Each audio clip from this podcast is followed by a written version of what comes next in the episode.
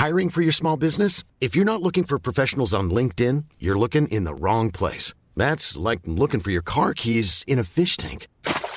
LinkedIn helps you hire professionals you can't find anywhere else, even those who aren't actively searching for a new job but might be open to the perfect role. In a given month, over 70% of LinkedIn users don't even visit other leading job sites. So start looking in the right place. With LinkedIn, you can hire professionals like a professional. Post your free job on linkedin.com slash people today. Life is full of what-ifs. Some awesome, like what if AI could fold your laundry?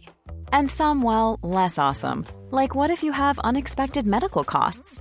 United Healthcare can help get you covered with Health Protector Guard fixed indemnity insurance plans. They supplement your primary plan to help you manage out of pocket costs. No deductibles, no enrollment periods, and especially no more what ifs. Visit uh1.com to find the Health Protector Guard plan for you.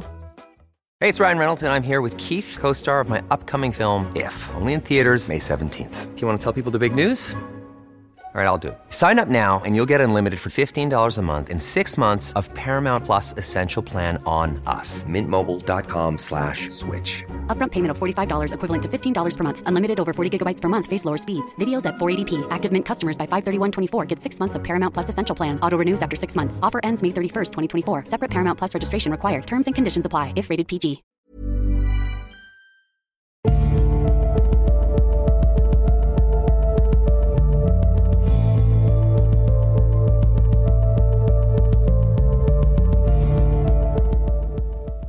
Hei og velkommen til Tåkeprat. Jeg heter Even, og når jeg tar opp denne episode 108, så er det onsdag den 19. juni 2019. Da ble det altså episode til slutt. Som dere hører, så er jeg litt nasal og hes, og det skyldes at jeg er blitt rammet av alle sommerforkjølelses mor. Men siden jeg snart reiser bort noen dager, så tenkte jeg skulle forsøke å ta opp denne episoden i dag, slik at det ikke blir enda en uke til å vente på avslutningen av historien om Doreen Valiente. Jo dypere og dypere jeg graver i historien om Doreen, jo mer blir jeg klar over at det er på ett område der hun skilte seg markant ut fra personer som Crowley og Gardner. For Doreen Valiente, hun reiste svært lite. Hun var en liten tur til Isle of Man for å hilse på Garner når han drev museet sitt der, og tok en mystisk flytur til Skottland. Men utover det så holdt hun seg til England, til tross for at hun ble invitert utenlands flere ganger, annet til USA. Det er kanskje nettopp denne nære tilknytningen til hjemlandet og nærheten til naturen og legendene der som gjorde henne så spesiell. Det er kanskje også nettopp det som gjorde at hun kom i kontakt med så mange ulike grupper, og klarte å systematisere og analysere arbeidet til Garner på sin helt egne måte. I tillegg så renvasket hun enkelte deler av fortellingene hans om Covenant New Forest, noe jeg kommer tilbake til i denne episoden, og noe som selvsagt inkluderte mye gravearbeid, bussing og brev. For som jeg nevnte i forrige episode, så er historien om Doreen preget av kollektivtransport, og hun skulle faktisk aldri ta førerkortet. Når hun senere i livet forsøkte seg på dette, så strøk hun til førerprøven, og med det så lot hun den saken ligge, fordi hun syntes det var flaut å øvelseskjøre med en L på bilen som en godt voksen dame. Jeg nevnte også hvordan hun ikke åpnet døren når det var VM, men det er slett ikke hele historien. Hun var nemlig svært lite glad i uanmeldt besøk, og det fikk Raymond Buckland, den første amerikanske heksen initiert i Gardners linje, føle på kroppen når han dukket opp og ringte på døra hennes uten en avtale, og fikk beskjed om å dra sin vei av Doreen gjennom brevsprekken, og slukøret måtte han dra med uforrettet sak.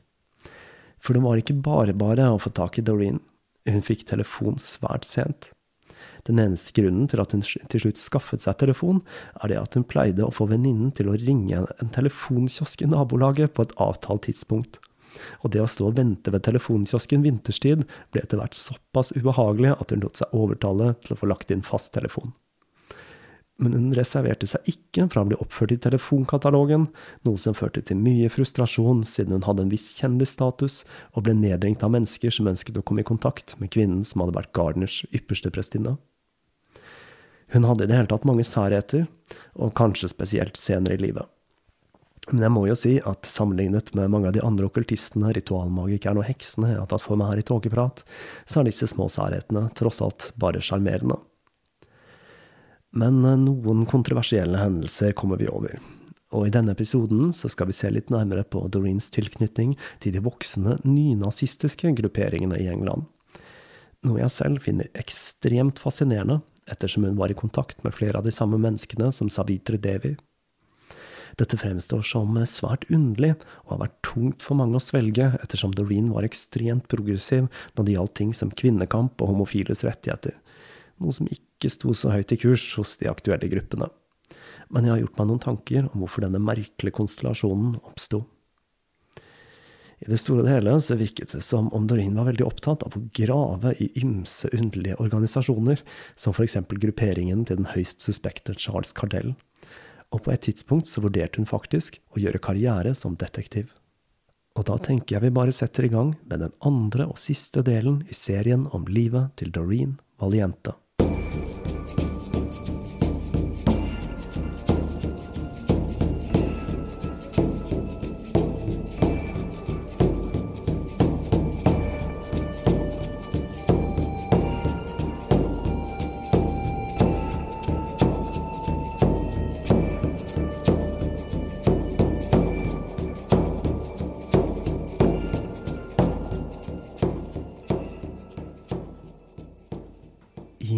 1964 døde Gerald Gardner, og det samme året skulle Doreen via sin venn William G. Gray bli introdusert for Robert Cochrane, en person som skulle ha en stor innflytelse på Doreens magiske arbeid. Det at Doreen kun arvet 200 pund etter Gardner, mens hans andre ypperste prestinner arvet tusener, sier noe om at til tross for at de hadde blitt forsonet, så ble forholdet mellom de to aldri det samme etter bruddet. Denne Cochrane het egentlig ikke Robert Cochrane, men Roy Bowers. Hvorfor han valgte akkurat det pseudonymet, det vites ikke, men han syntes vel det lød bra, da, og som mang en okkultist, som Samuel Mathers og Crowley, så valgte han et skotskklingende navn. Selv om hun var svært skeptisk til Cochranes påstander om at han stammet fra en lang arverekke av hekser, så var det ting med praksisen hans hun likte svært godt.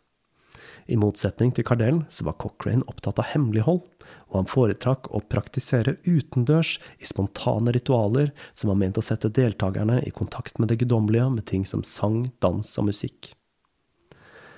Doreen ble invitert til å være med i Cochranes Coven, The Clan of Tubal Kane, og Halloween 1964 ble hun det sjette medlem i denne gruppen, som lente seg mer mot det rent paganistiske og sjamanistiske, med langt mindre esoteriske elementer enn garneriansk vika. Dette var noe som appellerte til Doreen, som ønsket et klarere skille mellom heksekunst og tradisjonell ritualmagi. Og Doreen forteller at ritualene til gruppen tilfredsstilte en dyp lengsel i henne.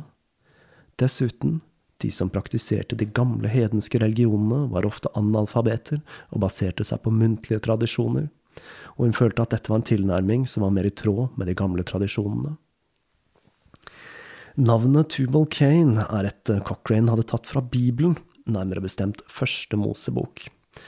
Kubal Kane han var etterkommeren til Kane og skulle ha vært den første smeden, og Cochrane hadde selv passende nok en bakgrunn som smed.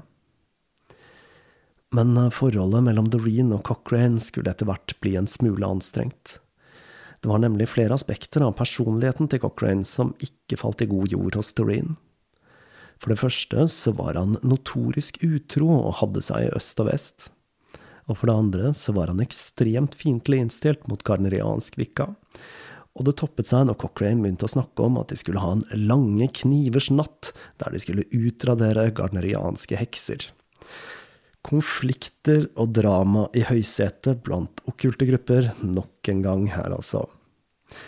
Doreen fikk nok og utfordret Cochrane foran resten av gruppen. Hun sa at han kunne fortsette med det giftige snakket sitt på egen hånd, for hun var ikke lenger interessert i å være en del av gruppen. Hun hadde bedre ting å bedrive tiden med, kunne hun fortelle. Det skulle gå riktig ille med Cochrane. I 1966 fortalte en felles venn, Justin Glass, at Cochrane fortalte folk at han planla å begå rituelt selvmord midtsommer. Selv om Doreen langt fra var sikker på om han faktisk skulle begå selvmord, så advarte hun Justine og sa at hun var redd for at han skulle finne på noe dumt.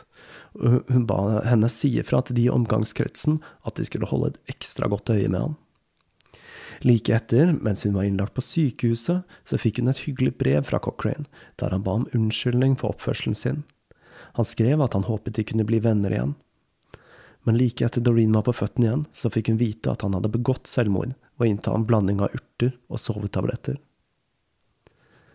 I kjølvannet av Gardners død var det enighet om at de ulike grupperingene trengte en felles samlende organ, for det var, ikke uventet, en del splittelse og uenighet, og det dukket til stadig opp personer som utnevnte seg selv til heksedronning eller heksekonge. En av disse var Alex Sanders, som grunnla hva vi i dag kjenner til som alexandrisk vikka. Det er en historie jeg tok for meg i Hekseserien, og som er litt skuffende når man oppdager at alexandrisk slett ikke har noe med det sagnomsuste biblioteket å gjøre, men rett og slett skyldtes at grunnleggeren het Alex. Dette skulle til syvende og sist føre til dannelsen av The Pagan Front i 1970, en organisasjon som skulle samle paganister fra ulike retninger, og Doreen skrev trosbekjennelsen til gruppen en måned etter den ble stiftet. Denne gruppen skulle vokse seg stor, og i 1981 skiftet den navn til Pagan Federation, som i dag er en av de største gruppene av sitt slag i verden. Og det var kanskje ideen om en eh, samlet hedensk organisasjon som førte Doreen inn på et av de underligste kapitlene i livet hennes. For i 1973 så fikk hun et flygeblad fra The National Front i postkassen sin, og hun ble nysgjerrig. Kanskje. For her er det flere mulige forklaringer på hva som egentlig skjedde. For hva som foregikk, det er det kun Doreen selv som visste. Men jeg har gjort meg et par tanker, og etter å ha gravd meg gjennom en del av tankegodset til disse høyreekstreme gruppene med en esoterisk innfallsvinkel, så presenterer jeg tåkeprathypotesen om hvorfor Doreen ble introdusert i disse. Et veldig viktig konsept for Doreen, det var vannmannens tidsalder. Og det gjør at jeg må forsøke å forklare et fenomen som kalles precession of the equinoxes. Et fenomen sikkert flere av dere har hørt om, og som har blitt flittig brukt av bl.a. Graham Hancock. Veldig kort fortalt så roterer jorden på en slik måte at stjernehimmelen beveger seg vestover i en rotasjon som tar 25 772 år. Dette fører til at ulike stjernetegn er synlige bak solen vårjevndøgn i en syklus der et nytt stjernetegn overtar hvert 2160 år og vi er nå på vei fra fiskenes tidsalder og inn i vannmannens tidsalder, som starter sånn omtrent nå. Pluss-minus noen hundre år, for man er nemlig ikke helt enig om når denne nye astrologiske tidsalderen inntreffer. Konseptet The Age of Aquarius ble jo kjent i populærkulturen på 60-tallet, og da kanskje spesielt med låta Aquarius fra musicalen Hair, som ble laget av gruppa The Fifth Dimension. Doreens tolkning av denne tidsalderen har mye til felles med Terence McKennas Archaic Revival, som er ideen om at eh, framveksten til ting som neopaganisme, psykedelika og en fornyet interesse for naturreligion og spiritualitet er et tegn på at menneskeheten er i ferd med å gå inn i en ny tidsalder. Litt av tankegodset som lå bak McKennas hypotese, dekket jeg i årets første episode, La Chorera. Her kan vi vel for så vidt dra inn Crowleys Age of Horus mens vi er i gang også. En epoke som skulle være preget av selvrealisering og en fornyet interesse for spiritualitet, som følger epoken til Osiris som guden og Isis som gudinnen før det. Doreen hevdet at den voksende gruppen med kvinner som var involvert i det okkulte, her kan vi f.eks. tenke på Helena Blavatsky, i tillegg til ting som framveksten av feminisme og en bredere forståelse for global økologi på 60- og 70-tallet, var et tegn i tiden på at vi er på vei inn i vannmannens tidsalder. P-pillen ble et viktig symbol her, og hun mente at i tillegg til å gi kvinner kontroll over sin egen fruktbarhet, så var den et viktig virkemiddel for å begrense befolkningsvekst, og dermed begrense skaden vi gjør på jorda. Hun levde selv opp til denne filosofien ved aldri å få barn. Og nettopp sammenblandingen av dyp økologi, esoterisk tankegods og høyrevridde grupperinger kan ha vært en faktor som gjorde at hun søkte seg mot disse gruppene, og dette er noe jeg kommer tilbake igjen til straks. På begynnelsen av 70-tallet ble nemlig Doreen med i Nasjonal Front, hvor John Tyndall ble formann i 1972. Som dere kanskje husker, som en av ildsjelene som var med å starte den nyfascistiske og nynazistiske bølgen i Storbritannia fra Tandava-serien. Nasjonal Front gjorde seg bemerket med sin harde linje mot innvandring fra Sørøst-Asia, og med sine mange demonstrasjoner og gateslag med antifascister.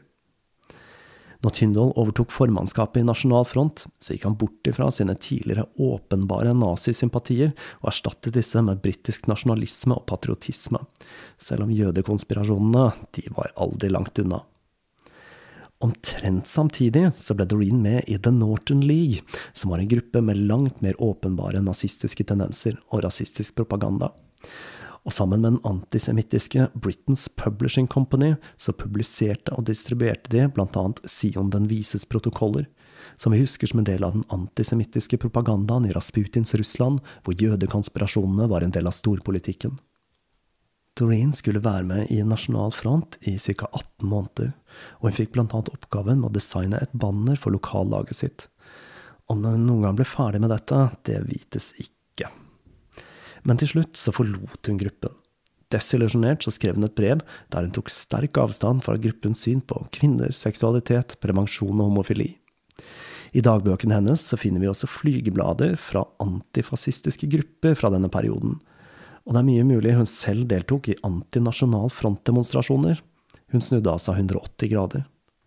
Spørsmålet man må stille seg, det er hvor Doreen sto når det gjaldt spørsmål om rase, for disse gruppene, de var jo blodrasistiske.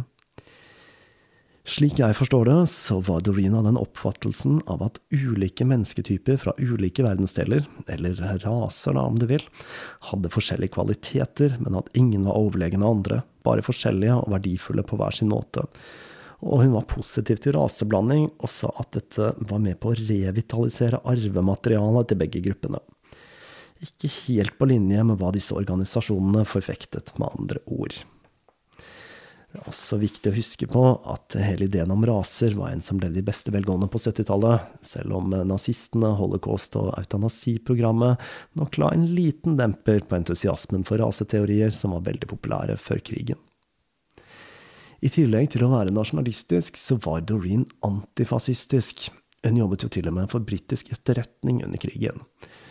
Noe som gjør at man kan spekulere i om hun, som Crowley, jobbet for britiske myndigheter i skjul. Avskjedsbrevet hennes var nemlig formulert på en slik måte at det ikke var noen grunn til å hevne seg på henne, for avhoppere de sto ikke høyt i kurs hos de organisasjonene der. Det kan altså tenkes at hun var en muldvarp, og at hun ble instruert til å forlate gruppen på den måten hun gjorde. Men det er kun massiv spekulasjon fra meg. Men som vi skal se etter hvert, så hadde hun noen venner høyt på strå i det britiske samfunnet, noe som gjør dette en tanke mer plausibelt.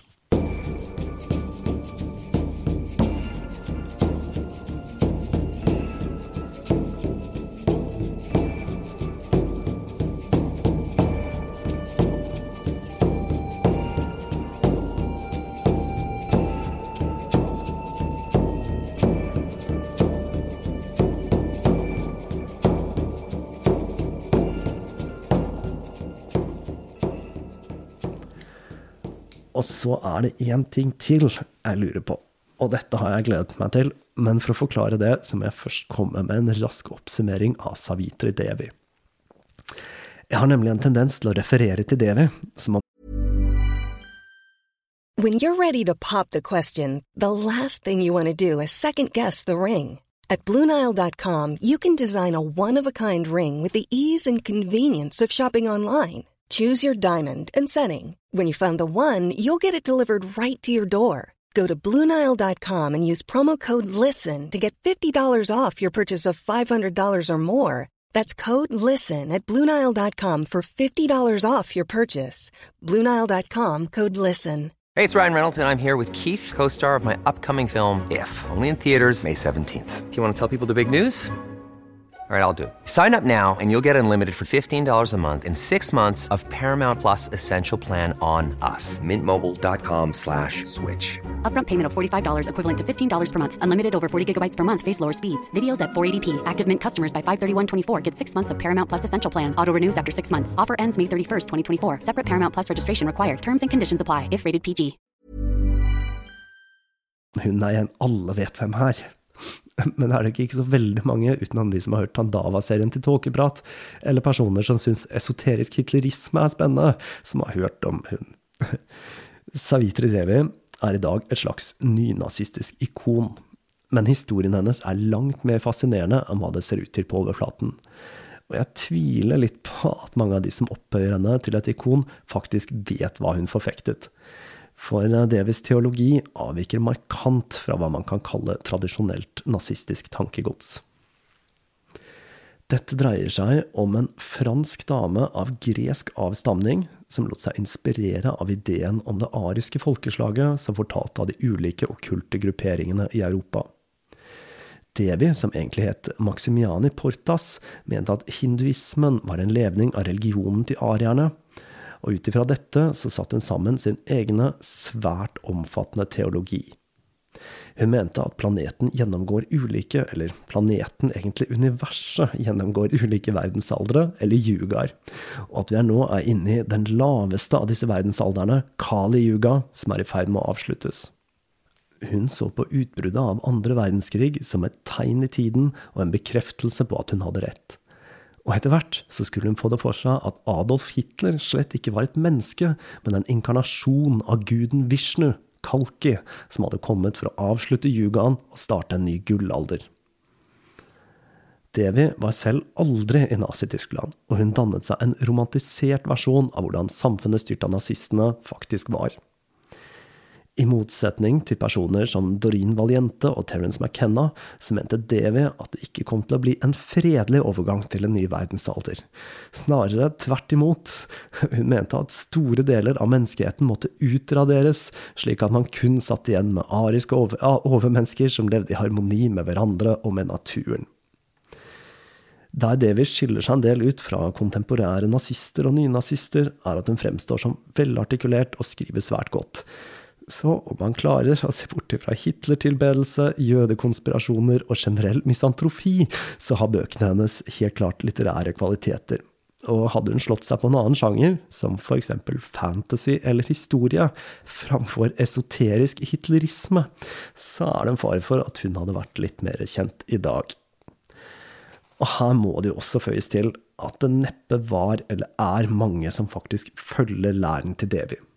Det at hun har blitt et nazi-ikon, det skyldes nok i stor grad den utilslørte Hitler-tilbedelsen og raseteoriene hennes, og ikke den helhetlige teologien.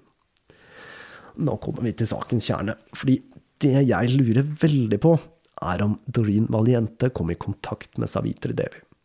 I det minste så er jeg ganske sikker på at hun var borti litteraturen hennes, for utdrag fra Devis tekster de ble nemlig flittig publisert i tidsskriftene til disse gruppene. For i tillegg til å være veldig opptatt av global dyp økologi, så var Devi ekstremt opptatt av og skrev mye om dyrevelferd. Og jeg kan tenke meg at det, kombinert med britisk nasjonalisme, kunne ha virket appellerende for Doreen, som selv var opptatt av dyrevelferd og vegetarianisme. Sammen med hennes nysgjerrighet og gravelyst, så kan dette ha ført til at hun ville finne ut mer om disse gruppene.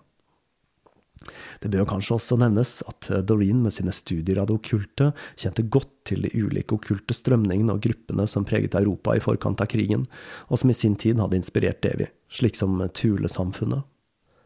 Som på så mange andre områder så er denne perioden i livet til Doreen innhyllet i mystikk. Var det nysgjerrighet og håp om å ha funnet en gruppe som representerte de verdiene hun selv forfektet, som drev henne, eller var hun rett og slett en muldvarp for britisk etterretning? Hvem vet, dette er som sagt kun spekulasjoner fra min side, og noen tanker jeg har gjort meg av min kjennskap til Savitri Devi og en del av det tankegodset noen av disse gruppene forfektet i samtiden. Men Doreen skulle i alle fall ikke være i befatning med og tok sterk avstand fra disse gruppene etter denne perioden.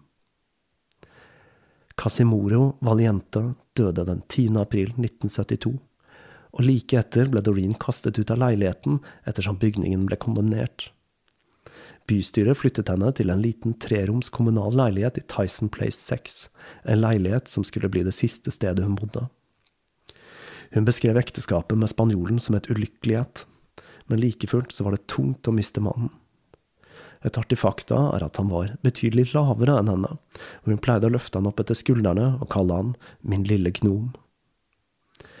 Boforholdene i leiligheten blir beskrevet som så trange at det var vanskelig å bevege seg. Ikke bare fordi leiligheten var liten, men fordi den huset boksamlingen hennes med mer enn 2000 bøker, i tillegg til en rekke okkulte gjenstander, som eksempel et par kandelaber laget av hover, og et underlig ansikt skåret ut av kokosnøtt som Doreen behandlet som et levende vesen.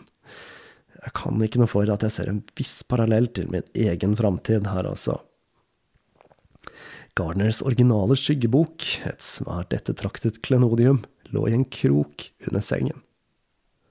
I 1975 møtte hun sin siste store kjærlighet, Ron Cook, som også skulle bli hennes siste magiske partner og ypperste prest. De to brukte mye tid på å reise rundt på den engelske landsbygda og hennes elskede Sussex. Hun fortsatte å skrive bøker, og på 70-tallet kom hun med to viktige bidrag til vestlig okkult tradisjon. Den første boka var Natural Magic, eller Naturmagi, som kom i 1975. Denne gjør en innføring i ulike aspekter av hennes magiske praksis, og var tenkt som en enkel innføring også for folk som ikke var interessert i komplisert ritualmagi men det var kun det første steget mot hva som skulle bli Doreens magnum opus. Det samme året Naturmagien ble utgitt, begynte hun på en ny bok som hadde arbeidstittelen Liber umbrarum, en bok som var ment som hennes bidrag til vannmannens tidsalder. Hun fikk et tilbud fra forleggeren Robert Hale, som foreslo en tittel, Witchcraft for Tomorrow, eller Heksekunst for morgendagen. Denne boka ble publisert den 24. februar 1978 Boka var unik, for den inneholdt instruksjoner for selvinitiering, i tillegg til et komplett magisk system samt forslag til en skyggebok. Det er viktig å huske at denne boka ble utgitt på en tid da det var svært vanskelig å få tak i komplette magiske manualer. På mange måter kan vi si at denne var like banebrytende som når Crowley publiserte sine verker basert på magiske systemer som tradisjonelt hadde vært forbeholdt lukkede grupper. Doreens filosofi var at alle hadde retten til å praktisere den gamle religionen, selv om de ikke hadde kontakt med andre personer eller grupper som praktiserte, noe som gikk litt på tvers av hva mange andre i miljøet mente. Til tross for at det i ettertid er blitt publisert en rekke bøker av denne typen, så regnes fremdeles heksekunst for morgendagen som en klassiker innen sin sjanger. I tillegg til å skrive bøker, så jobbet hun med poesi og minneplansjen som er satt opp på Tyson Place, omtaler henne nettopp som poet, forfatter og mor til moderne heksekunst. Diktene hennes ble aldri publisert mens hun levde, men en del av disse er tilgjengelige i dag i Charge of the Goddess, som ble utgitt i 2014. Enda en liten parallell til Crowley der. Crowley var jo også svært opptatt av poesi, og Doreen likte mye av det han skrev, og mente at han var svært undervurdert som poet av ryktet han hadde som verdens ondeste mann noe jeg absolutt kan si meg enig i. I 1980 skulle Doreen også gjøre slag for Gerald Gardner når han leste professor Jeffrey Russells bok A History of Witchcraft. Russell hevdet nemlig at Gardner hadde funnet på hele historien om hvordan han hadde blitt initiert, og ikke minst nøkkelpersonen gamle Dorothy. Dette fant ikke Doreen seg i, og hun begynte å grave i historien om gamle Dorothy, for å bevise at denne damen Gerald hadde snakket så varmt om, faktisk var en ekte person. Dette var ikke enkelt. I en tid uten internett var Doreen nødt til å bruke posten, i tillegg til personlig å oppsøke personregisteret i London. Heldigvis så hadde Dorothy det uvanlige etternavnet Clutterbuck, og det skulle lette arbeidet en smule. Men Doreen forteller at gravearbeidet holdt på å drive henne til vanvidd. Men hun skulle lyktes. Det første hun vant, var dødsattesten hennes, hvor navnet på hennes far var oppgitt, en Thomas St. Quintin Clutterbuck, som hadde vært løytnant-oberst i den indiske hæren.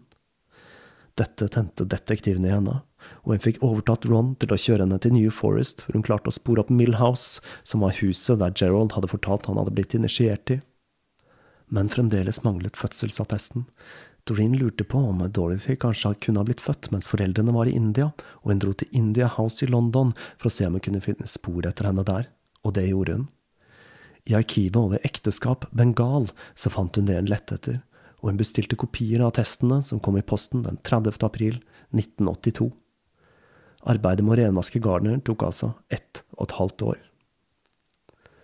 Historien om gamle Dorothy er en interessant en, og jeg var så vidt innom den i Hekseserien. Men denne historien er langt fra komplett, og det kan tenkes at det kommer en bok som tar for seg livet til denne damen i sin helhet en gang i framtiden.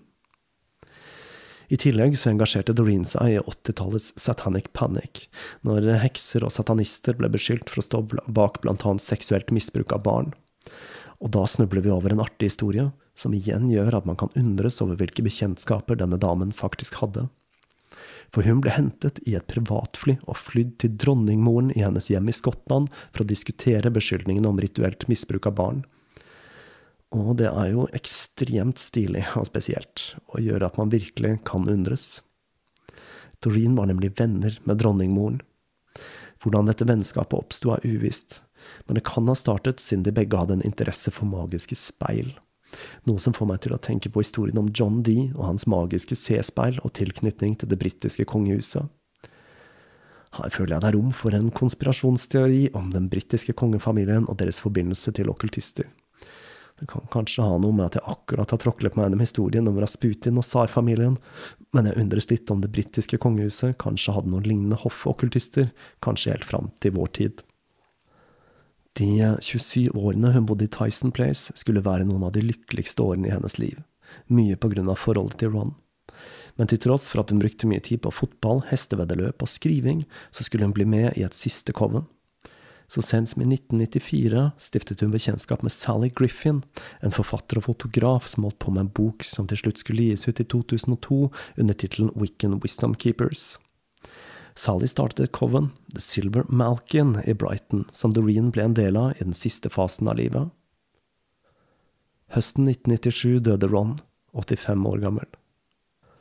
Dødsfallet til mannen var svært tungt for Doreen, som selv ble syk like etter. Hun ble først diagnostisert med diabetes, og så med kreft i bukspyttkjertelen, og hun døde den 1. september 1999 i en alder av 77 år. Doreens lik ble fraktet til The Center for Pagan Studies, hvor et vikka gravferdsritual verdig en av tradisjonens grunnleggere ble utført før liket ble kremert.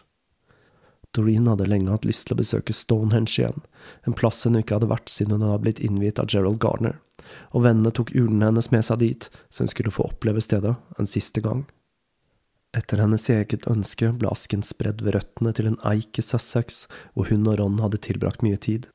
Hun hadde vært veldig spesifikk om at asken skulle spres når blåklokkene blomstret.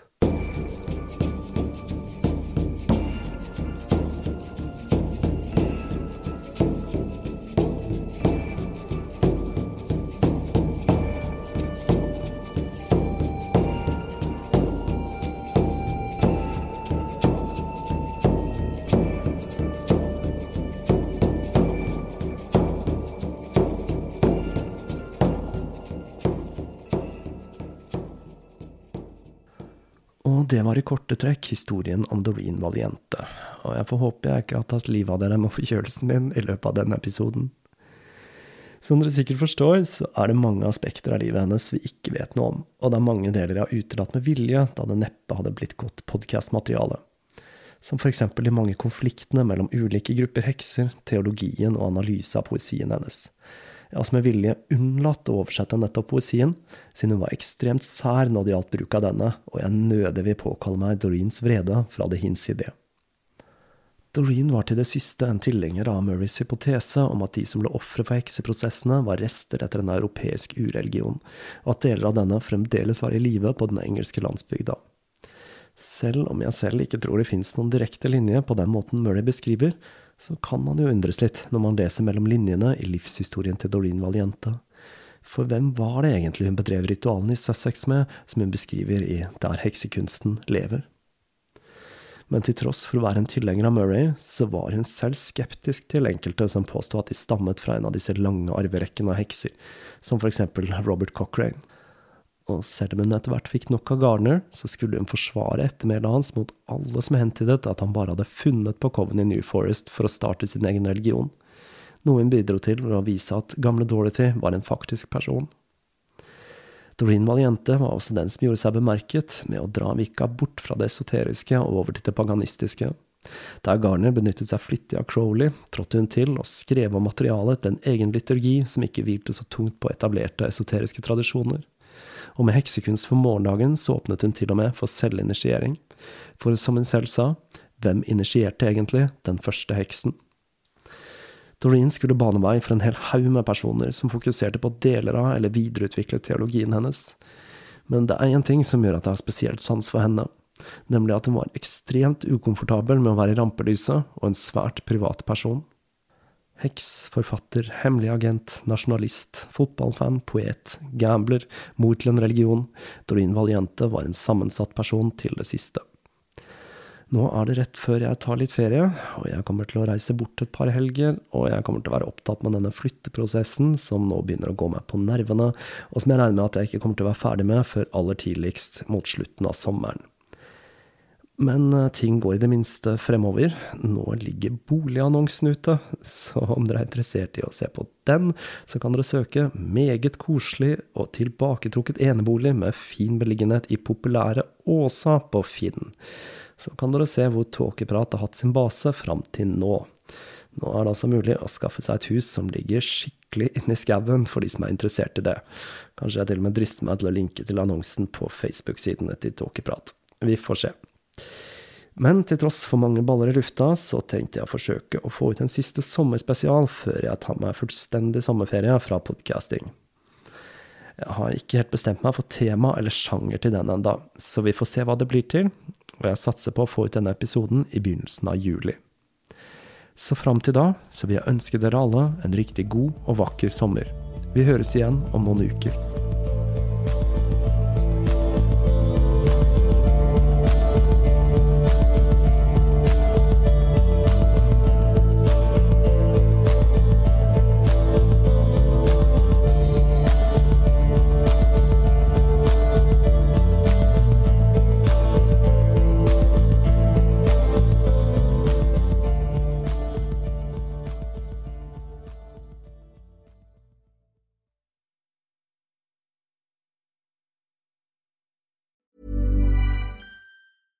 Imagine the softest sheets you've ever felt. Now imagine them getting even softer over time. That's what you'll feel with Bowl and Branch's organic cotton sheets. In a recent customer survey, 96% replied that Bowl and Branch sheets get softer with every wash. Start getting your best night's sleep in these sheets that get softer and softer for years to come. Try their sheets with a 30-night guarantee. Plus, get 15% off your first order at bowlandbranch.com. Code BUTTERY. Exclusions apply. See site for details.